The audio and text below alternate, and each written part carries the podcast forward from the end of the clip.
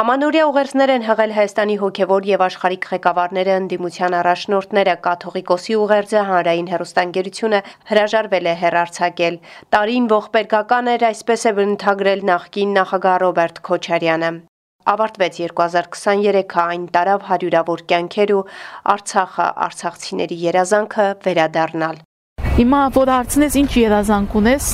Առաջինը կասեմ ետ դառնալ աղավնու։ Հուսանք մի օր նորից կկարողանան գնալ Արցախ, քայլել այն հողի վրայով, որի համար կռվել ենք, որի համար կա թափված արյուն։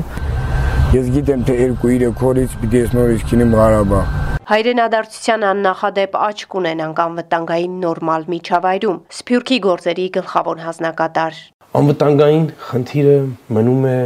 հայրենադարձության, մեծ հայրենադարձության համար 1 խոչընդոտ։ Այս եւ այլ նորությունների մասին առաջիկա րոպեներին։ Ամենայն հայոց կաթողիկոսի ամանորյա ուղերձը դեկտեմբերի 31-ի կեսգիշերին չի հերարցակվել հանրային հերոստանգերության եթերով։ Մայրաթորի տեղեկատվական համակարգի փոխանցմամբ հանրային հերոստանգերությունը վերջին պահին առանց որևէ պատճառաբանության տեղեկացրել է, որ Բեհափար Հայրապետի ամանորյա ուղերձը եթեր չի հերարցակվի, ինչպես եւ ավանդաբար ընդունված էր։ Փոխարենն առաջարկվել է Հայրապետի ուղերձը ներկայացնել լուրերի երեկոյան թողարկման ընթացքում, ինչը Մայրաթորի կողմից պատշաճ չի նկատվել եւ մերժվել է, նշվում է Մայրաթորի պարզաբանման մեջ։ Անկախության պատմության ողջ ընթացքում դեռևս Վազգեն առաջին հայրապետի ժամանակաշրջանից ավանդաբար հանրային հերոստանգերության եթերով ամանորի գիշերը երկրի ղեկավարի ուղերձից անմիջապես առաջ հերարցակվում է վեհապարի ուղերձը։ Ամանորյա խայտարակություն, այսպես են քաղաքացիները բնութագրել հանրայինի որոշումը հերոստանգերությունը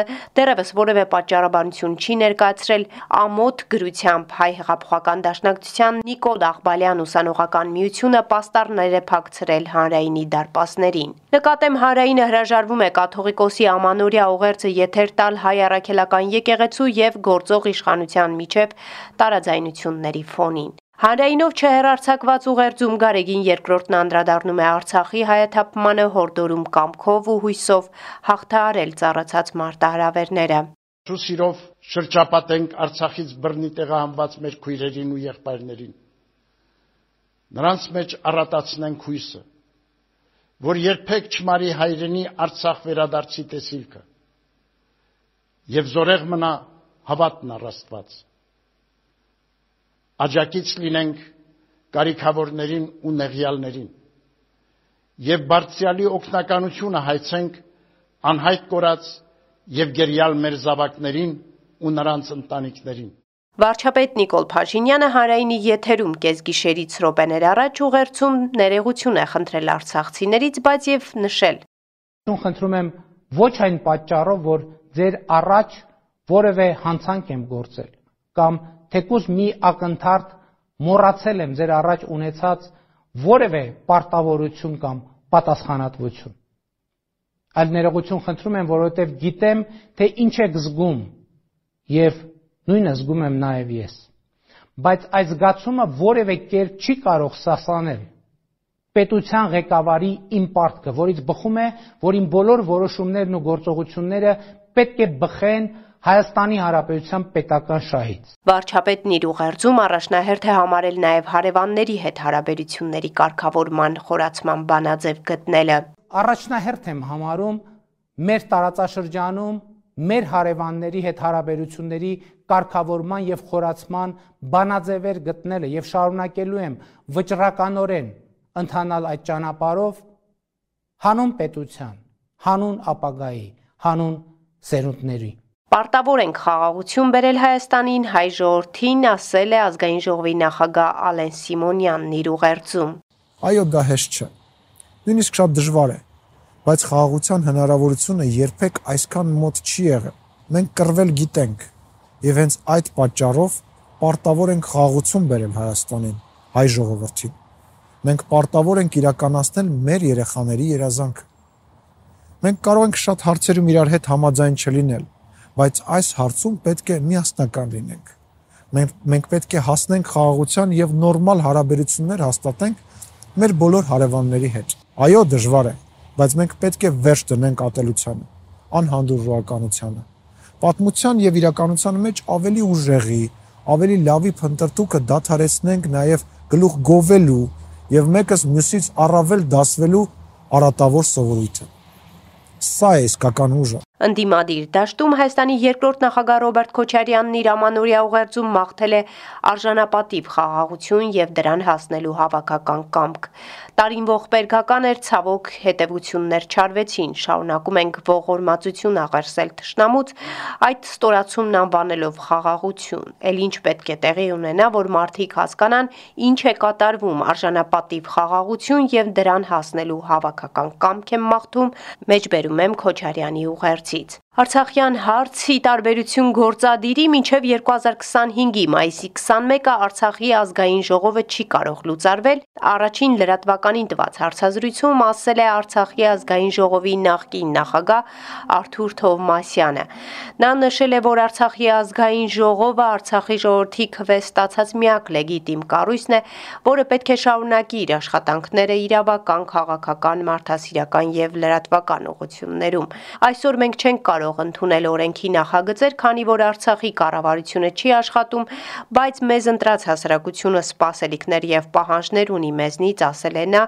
նշելով, որ կարելի է նիստեր գումարել. 2023 թվականին հետահայաց նայելով անցած տարին Արցախի մասին էր ու Արցախի շուրջ Հայաստանի անվտանգային խնդիրների, ինչպես նաև 2023-ը տարավ հարյուրավոր կյանքեր ու Արցախը հաստատվելով Հայաստանում Արցախահայերը երազում են վերադառնալ Ընդհանրապես ուզում եմ մի օր տանը արթնանամ ու մայրիկս ինձ կանչի մեր բակում սուրճ խմելու ու ես ուզում եմ ապրեմ այնքան, մինչև էլի ապրեմ Արցախում, այնպես ինչպես որ ապրել եմ ապրելու ուժ տալիս է երևի, չգիտեմ, ինքնապաշտպանական բնազդն է երևի ամեն դեպքում գլուխ բարձրացնում նման դեպքերում, ծայրահեղ իրավիճակներում, երբ մարդը մտածում է, որ վերջ ելք չկա, ինքնապաշտպանական բնազդը սկսում է հակադրվել այդ ամենին։ Արցախի հայաթափումը մեծ հետք է թողել Սփյուռքի վրա։ Սփյուռքի խնդիրները քիչ չէին, արդեն անցած տարում ասել է Հայաստանի Սփյուռքի հարցերի գլխավոր հանձնակատար Զարե Սինյանյանը նաև նշելով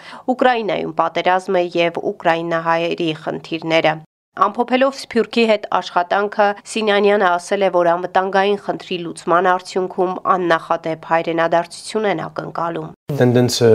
շարունակվում է, կարծում ապագայում էլ շարունակվելու է եւ տեսեք մի հասարակ իրականություն կա, որքան որ բարելավի մեր տնտեսական իրավիճակը, այսինքն որքան կմեծանան մեր այն հնարավորությունները, որոնք գոյություն ունեն Հայաստանում մարդկանց համար, որքան որ բարելավի մեր անվտանգային միջավայրը, որքան որ բարելավի մեր արդեն կրթությունը, առողջապահությունը, որը տեղի է ունենում։ Տեղի է ունենում, թերևս մարդիկ կարող ասեն, որ այն արագությամբ տեղի չի ունենում, որը անհրաժեշտ է, բայց տեղի է ունենում։ Այնքան մեծ է լինելու այս ներհոսքը եւ այնքան մեծ է լինելու մանավանդ երիտասարդների ներհոսքը Արամ առաջին վեհապարն անդրադարձել է Երուսաղեմում հայկական թաղամասի վրա տեղի ունեցած հարձակմանը, հայտնում է Մեծի տանեն Կիլիկիո կաթողիկոսությունը, ինչպես միշտ Մեծի տանեն Կիլիկիո կաթողիկոսությունն իր ամբողջական զորակցությունն է հայտնել Երուսաղեմի հայոց պատրիարքությանն ու հայ համայնքին եւ կոչ ուղել հայ ժողովրդին զորավիկ կանգնել պատրիարքության իրավունքներին եւ ապահովությանը։ Երուսաղեմի հայ համայնքի ներկայացուցիչ Հակոբ Ջերնազյանի խոսքով մենք թե նստածույցները շարունակում ենք, որբեսի հողադարած կպաշտպանենք։ Հիշեցնեմ դեկտեմբերի 28-ին 3 տասնյակից զինված անձիկ հարձակում են գործել Երուսաղեմի հայկական թաղամասի Կովերի պարտեզ տարածքում գտնվող հայերի վրա, նրանց վնասելու, տարածքից դուրս հանելու եւ ահաբեկելու նպատակով Երուսաղեմի պատրիարքանի փոխանցմամբ ծանր վիրավորում են ստացել քահանաներ, հայ համայնքի ներկայացուցիչներ,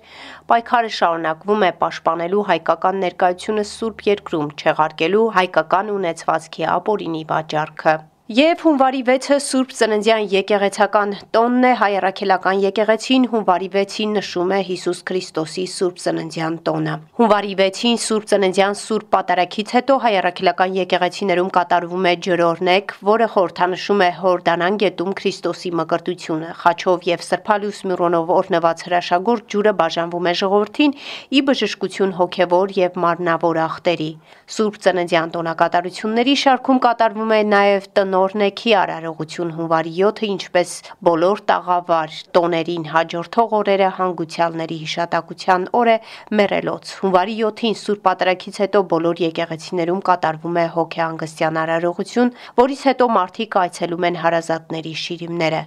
Սուրբ Ծննդյան տոնի հանդիսություններն ավարտվում են հունվարի 13-ին Տիրոջ անվանակոչությամբ, որը նվիրված է Մանուկ Հիսուսի տաճարին ընծայելու հիշատակին։ Այսքանը անցնող շաբաթը SBS-ի հայկական ծառայության համար ամփոփեց Գիտալի Բեկյանը։